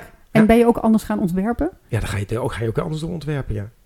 Je hebt natuurlijk gewoon de, de, de basisstukken die het gewoon altijd goed blijven doen. Maar je, je kan er soms ook met hele bepaalde prints die heel kleurrijk zijn... kan je natuurlijk een enorm effectbejag eh, garanderen online ongeveer. Ja, Ik weet gewoon als ik prints zie dat ik denk... oh, als ik daar eh 500 blouses van laat maken... geef me drie weken, dan zijn ze weg. Omdat het gewoon... ik weet gewoon dat zo'n streep werkt. Dus dat is op een gegeven moment wel Ja. heel verleidelijk. Ja, En hoe kan je dan net weer even een andere kant op gaan? Dat het, dan ga ik mijn eigen streepje schilderen. Dat het net op die manier net anders gemaakt. En dan ga ik hem horizontaal gebruiken en verticaal. En dan is het opeens een interessante blouse. Dus je gaat, je gaat anders denken. Ja. maar wat een andere wereld is voor jou opengegaan. Eigenlijk door het faillissement van V&D en eigenlijk door het enorme verlies wat je had geleden. Dat heb je helemaal om weten te draaien. ja, mijn moeder zei het ook altijd heel mooi. Die zei van, wat was het ook weer?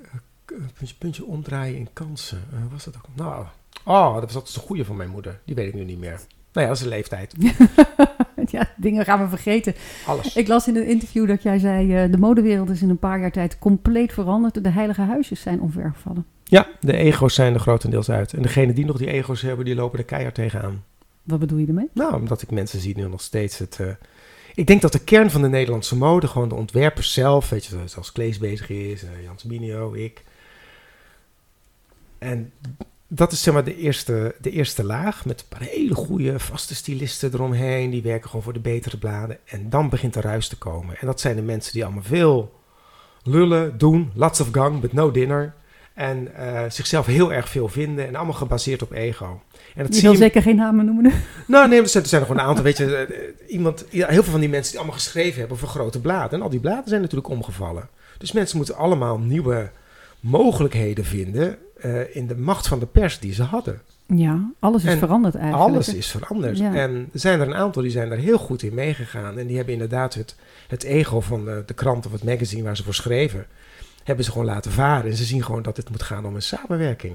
En dat is de grap, want dat, die macht is veranderd. En ik hou niet van macht, maar op zo'n moment denk ik, ja, inderdaad.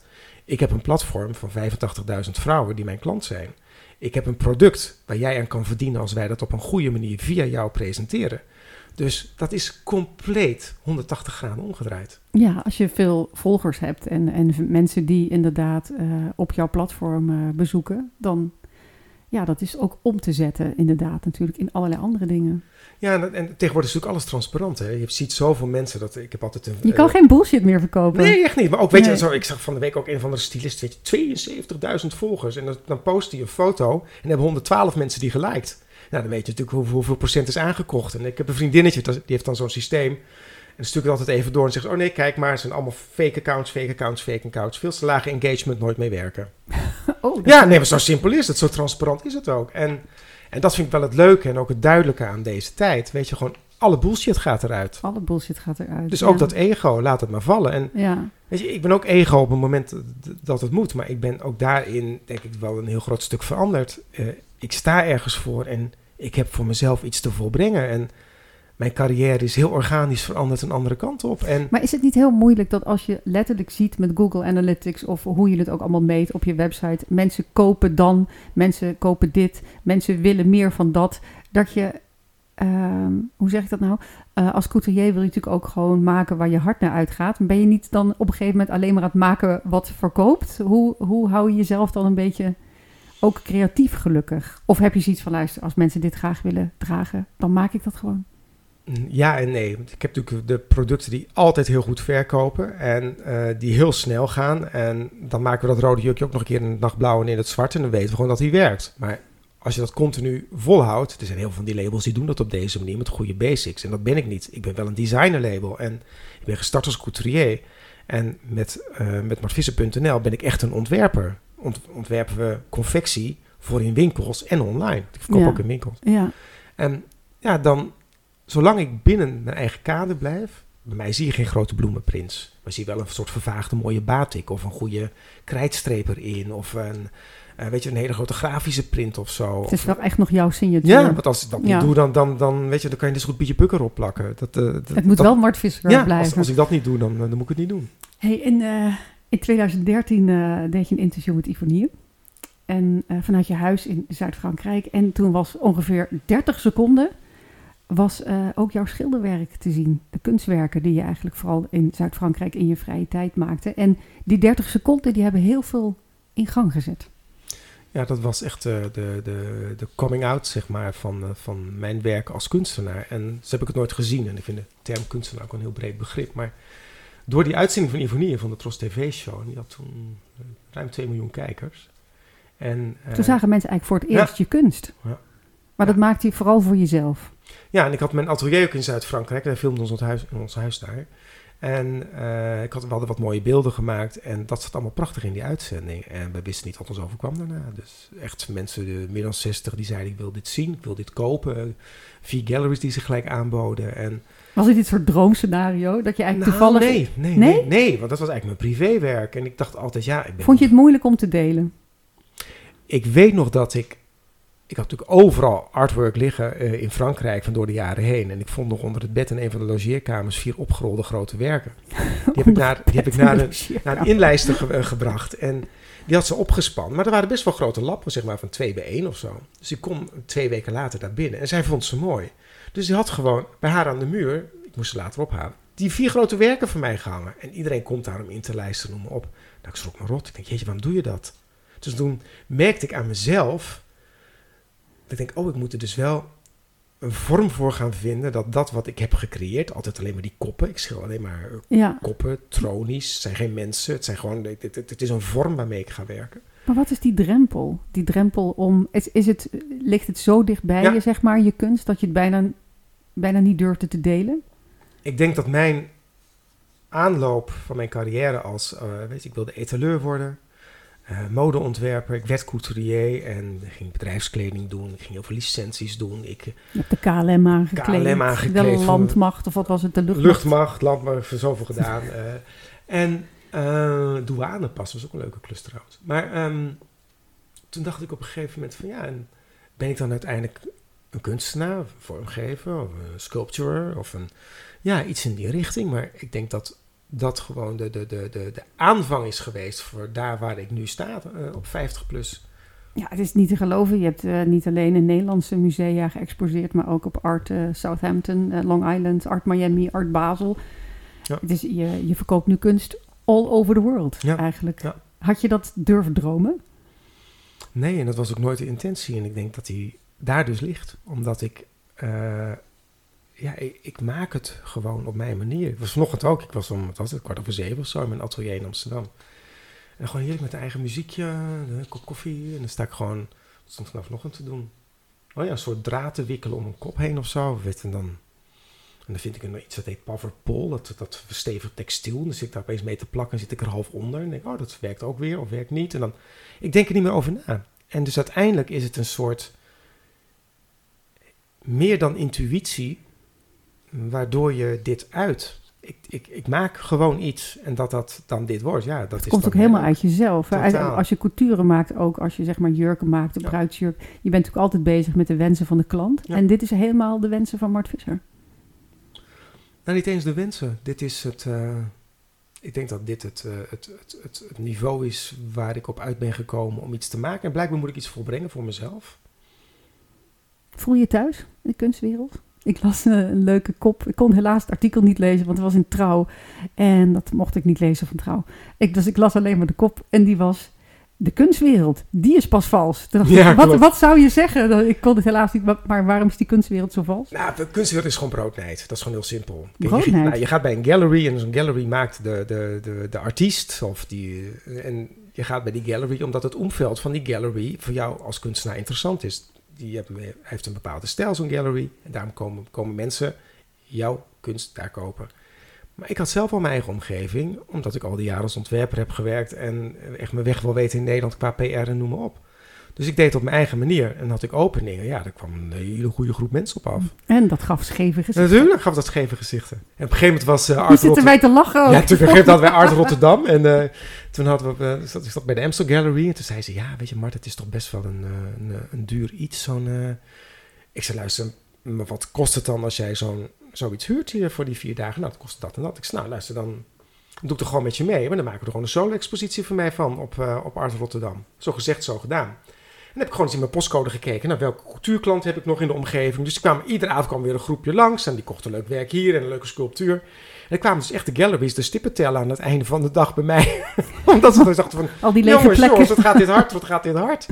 Ja, dus ja, ik, ik heb er eigenlijk nooit heel veel van aangetrokken. En ik, weet je, ik trek mijn eigen plan wel. En ik had zelfs in het begin nog gefluisterd dat je alles in China liet maken. Ja, die vond ik, oh, die vond ik waar kwamen opeens al die kunstwerken vandaan? Maar ja, uh, onder je bed vandaan, in Zuid-Frankrijk. Ja, en waar, waarom verkoopt hij zo goed? Ja, laat het allemaal maken in China. Ja. Dat is toch niet te geloven ook. Ja, welkom in de wereld van.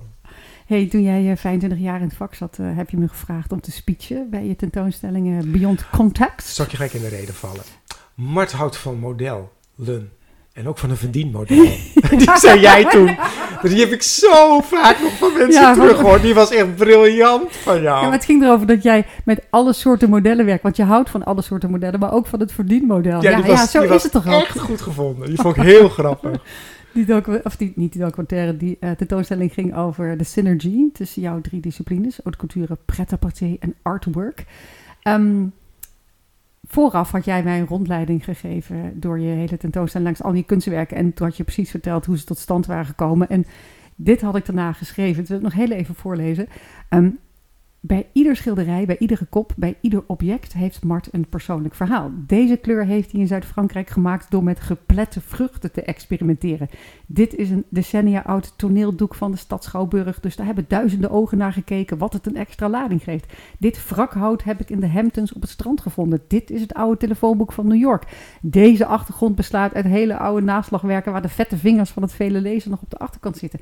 Mart kan het je allemaal precies vertellen, maar als je aan Mart vraagt wat betekenen je koppen eigenlijk? Is de man of een vrouw? Ben je het zelf? Dan geeft hij steeds hetzelfde antwoord. Vul het zelf maar in. Twee vragen heb ik hierover. Zie je echt overal materiaal in? Van telefoonboeken tot wrakhout tot toneeldoek. Ik vond het zo bijzonder. Nog steeds.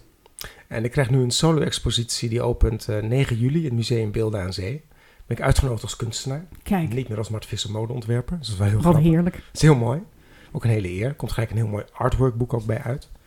En ehm, uiteindelijk hebben we besloten om die expositie gewoon bij te zetten dat dit inderdaad wrakhout is gevonden op de Hamptons. Dit is een, oud, een oude loodklopper. En dat is een dit en dat is dat. En die stof is. Dus we gaan, ik ga gewoon heel simpel het artwork ontleden voor de toeschouwer Ja, omdat je zelf wel het object of de sculptuur of het schilderij wat je ziet staan, daar heb je wel je eigen gevoel bij of je eigen uitleg. En wat ik dus gewoon jou geef, is dat ik gewoon zeg van, weet je, dit is een oude opgespannen oud linnen lap, die vond ik in Zuid-Frankrijk op een brocante. En die heb ik opgespannen en ik heb daar inderdaad met de kleur van olijven uit de eigen tuin overheen geschilderd. En dat is die mooie kleur rood.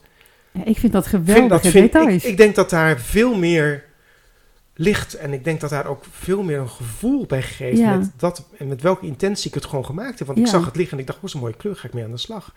En ik denk dat dat is wat kunst is. Ik uit iets, jij kijkt ernaar en het, het, het, het motiveert je, ja, je voelt er inspireert iets je. bij of niet? Ja, Ja, het irriteert je, het, het emotioneert je. Eh, dat is wat het met je en kan doen. En als ik dat kan bewerkstelligen door, in my opinion, uit te leggen... het is daar en daarvan gemaakt, denk ik dat het veel meer gaat leven. Ik vond het zo mooi dat je zei, eh, dit oude theaterdoek, eh, zo'n oude achtergrond uit de stad Schouwburg, daar hebben duizenden ogen naar gekeken en die energie die zit er nog in. Is Ja. dat iets wat je echt gelooft? Dat die energie van al die mensen daarin zit op een of andere manier? Ik geloof in een... eh, ja, ik heb wel met materialen wel eens gewerkt... dat je gewoon denkt, oké, ja, ja, ja, dit, dit, dit, dit heeft gewoon een DNA. Dit heeft gewoon een, een bepaald gevoel. En als ik dan die hele oude achtergronddoeken zag... dan dacht ik ook... A, hebben mensen aan de voorkant echt op staan schilderen van, weet je, een, een, een, een, een, indianendorp. En weet je, dat, dat soort dingen waren het echt. En dus er lag al heel veel creatie en passie van iemand in om dat zo te maken. En ik ging dan op de achterkant verder. Of soms gebruikte ik ook de voorkant omdat er een mooie kleur in zat. Dan schilde ik daar weer heel groot een kop overheen. Ja, dan, dan, dan, dan, dan geef je wel een bepaalde dimensie aan gewoon een doek waar je op aan het schilderen Ja, bent. dat voel ik ook hoor. Ik heb dat echt tot, ja, ik begrijp precies wat je daarmee bedoelt. Het is, er zit leven in. Ik, had een, ehm, ik was bij een, eh, een vriend van mij en zijn oma was overleden.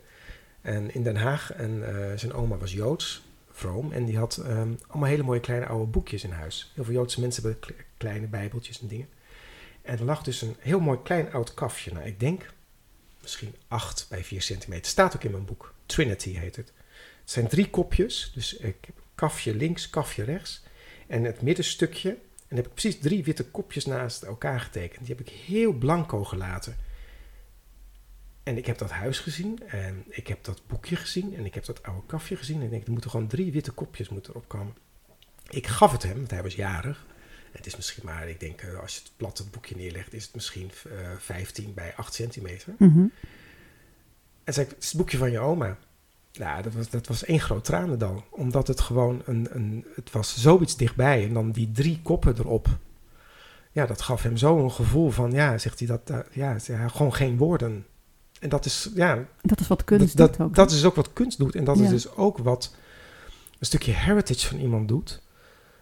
En wat je dus teruggeeft aan iemand. ja, Ja, dat, dat, dat, dat heeft zo'n value. ja. En, van iets ouds iets nieuws maken. ja, ja, Ja. En, en, en ook met, met, met, met, een, met, met, een vroegere emotie van iets. Dat, ja, dat, daar, daar ligt wel iets, ja. Dat vind ik mooi. Is dat ook waarom je niet wil uitleggen wat je koppen betekent? Dat je het gewoon bij mensen zelf laat welke betekenis ze eraan hechten? Ja, en ik weet, ik, ik heb natuurlijk de prachtige verhaal dat mensen zeggen... jij bent natuurlijk altijd met het lijf bezig geweest en nu is het dan de kop. Of je had het, de kop nodig om de kledingstukken te kunnen maken. Dat, dat hoor ik vaker. En dat is prima. En ik was ook bezig met beelden aan zee en ik had zoiets van... ik werk zo intuïtief, moet het niet gewoon... Een soort iets als eh Mart Visser, dubbele punt, reflections of intuition of zo. En toen had de directeur daar, Dick, die zei tegen mij van... "Mm, weet je wat we doen? Mart Visser, dubbele punt, sculpturen. En dat vond ik echt... ik denk, ja, je hebt zo gelijk. Je hebt zo gelijk. Want dat is wat, reflections en de diepte Ja, in. Nee, hoor, het zijn nee, gewoon nee, sculpturen. dat is wat het is. Ja. ja, ik heb hier ook een... eh, op mijn, eh, in mijn schrijfhuis hier heb ik ook een, werk van jou.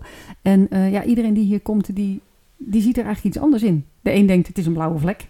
De ander denkt, ehm, het, is een, het is een wolk. Het is een mens. En, en dat, ja, dat vind ik ook het bijzondere aan wat kunst doet. Je ziet er eigenlijk steeds iets anders in. Hij staat hier mooi, ja. Ja? Ja. ja. Hey, je hebt mij ook wel eens verteld dat je het ook heel belangrijk vindt om via je kunsten iets terug te geven aan een goed doel. En dat is in jouw geval het eh, Prinses Maxima Centrum voor Kinderoncologie Ja. eh. Hoe is dat ontstaan? Ehm, het was een van de klanten van een van Job's bedrijven. En toen had ik op een gegeven moment bedacht van... Stel nou dat ik met de verkoop van mijn artwork een percentage ga sparen. Mhm. Dat ik uiteindelijk één groot bedrag heb. En dat ze daarmee bijvoorbeeld het hele atelier daar wat ze hebben voor kinderen kunnen Oh, dat is een inrichten. mooi idee, ja. Dat had ik geregeld via Van Ginkel destijds. Dat ze daar nog alles konden, zouden kon, kunnen inkopen.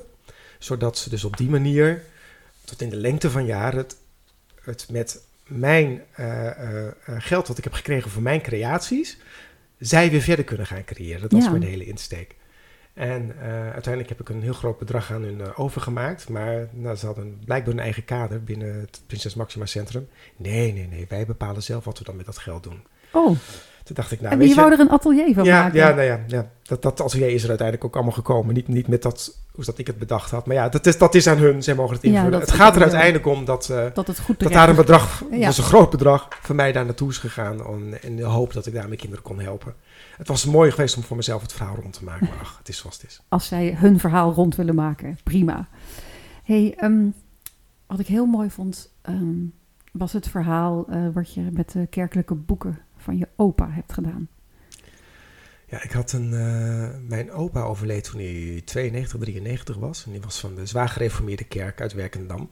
En ik ken hem alleen maar met die boeken waar hij altijd mee zat. En dat waren echt van die dingen, weet je, het, eh, het, eh, het gras is dor, weet je wel, echt van die hele zware... Zware kerkelijke boeken, in leer gebonden. Juist. En uiteindelijk eh, hoorde ik van mijn vader dat het dus niet omging dat, eh, mijn, dat mijn oma eigenlijk de meest christelijke was. En niet mijn opa. Die vond de Bijbelse verhalen gewoon mooi, die natuurlijk ook prachtig zijn. En ehm, wat was het mooie? Dat eh, toen eh, eh, mijn vader heeft na zijn overlijden al die boeken bewaard. En uiteindelijk vond ik die en heb ik al die kaften, die, die inhoud heb ik weggehaald, dat vond ik zwaar. En al die kaften heb ik gestapeld. En als het ware gespied op een pin. Dat heb ik een mal van laten maken. En uiteindelijk is dat gegoten in brons. En dat zijn allemaal dunne plaatjes op elkaar geworden in de vorm van een kop. En dat is een eh, heel mooi groot kunstwerk geworden, wat nu in de privécollectie staat. Wauw. Als een soort ode aan mijn opa. Ja, dat vind ik echt prachtig. Hoe je dan, zeg maar, die, die zware kerkelijke boeken hebt getransformeerd tot iets nieuws eigenlijk. Mooi hè? Ja, heeft het ook je opa weer een beetje dichter bij je gebracht? Nee, dat hoeft, dat hoeft ook niet. Het was gewoon het, eh, dat ik denk, ja, ik, heb, ehm, eh, ik vind al die religies soms mooi en soms ook helemaal niet. En ik vond het wel, eh, zo kende ik hem. Toen dacht ik, ja, dat ga ik ervan maken. Wat mooi. Ja, ik je. hou ervan. Ehm, je hebt me wel eens verteld dat, ehm, dat je een tijd lang heel erg druk hebt gemaakt over wat mensen van je zouden denken, hè, de beeldvorming.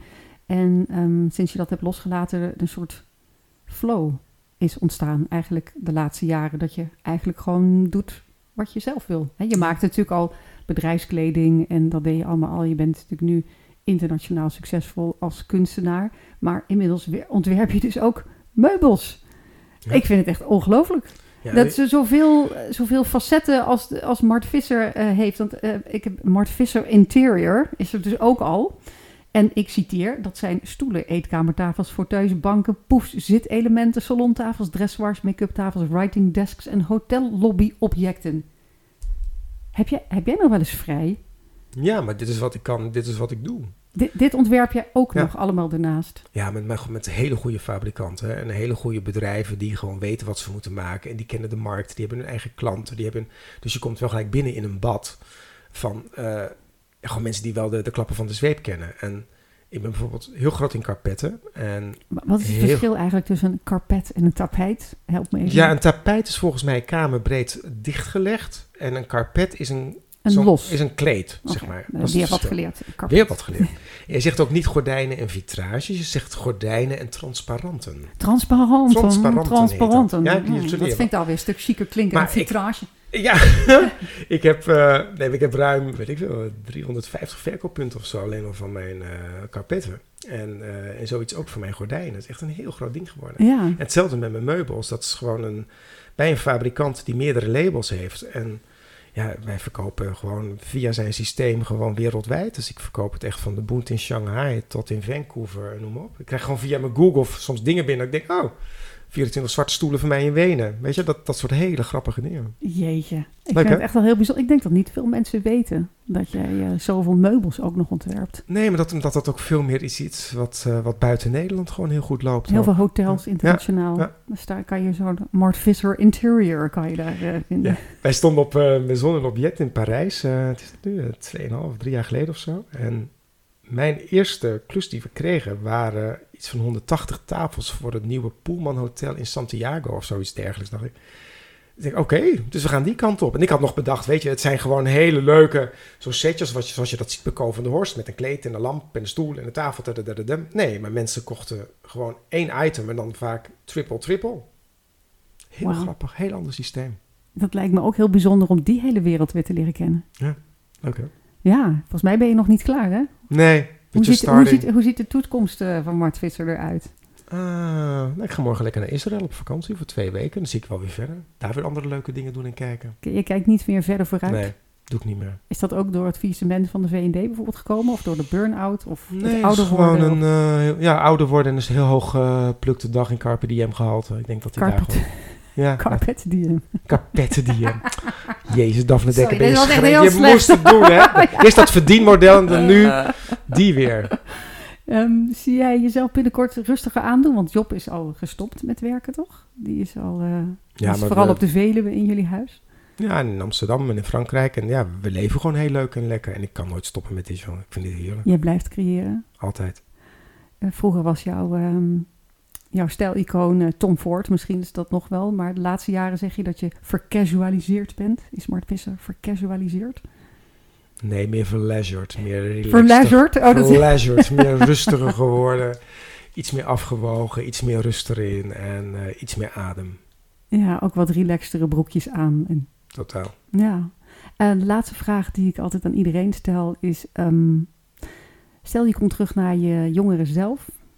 Wat zou je de jonge Mart Visser dan als advies geven? Go for it again. En als ik terugkijk heb ik het... Uh, nou, er heel veel van geleerd. Ja. En ik ben er nog lang niet volgens mij. Nee. We gaan nog veel Mart Visser zien. Let's hope. Yes, dankjewel. Dankjewel. Voor dit mooie gesprek. Je luisterde naar de podcast Daphne op donderdag in gesprek met Mart Visser. Wil je meer weten over de mode van Mart? Ga dan naar de website martvisser.nl. Zijn kunst vind je via zijn Instagram martvisser.artwork. Wil je meer van mij lezen? Ik heb net een nieuwe bundel uit met 75 columns. Hij heet De Zorgen zijn voor morgen. Klik ook even op de volgbutton, dan blijf je op de hoogte. Want volgende week is er weer een nieuwe Daphne op donderdag. Tot dan!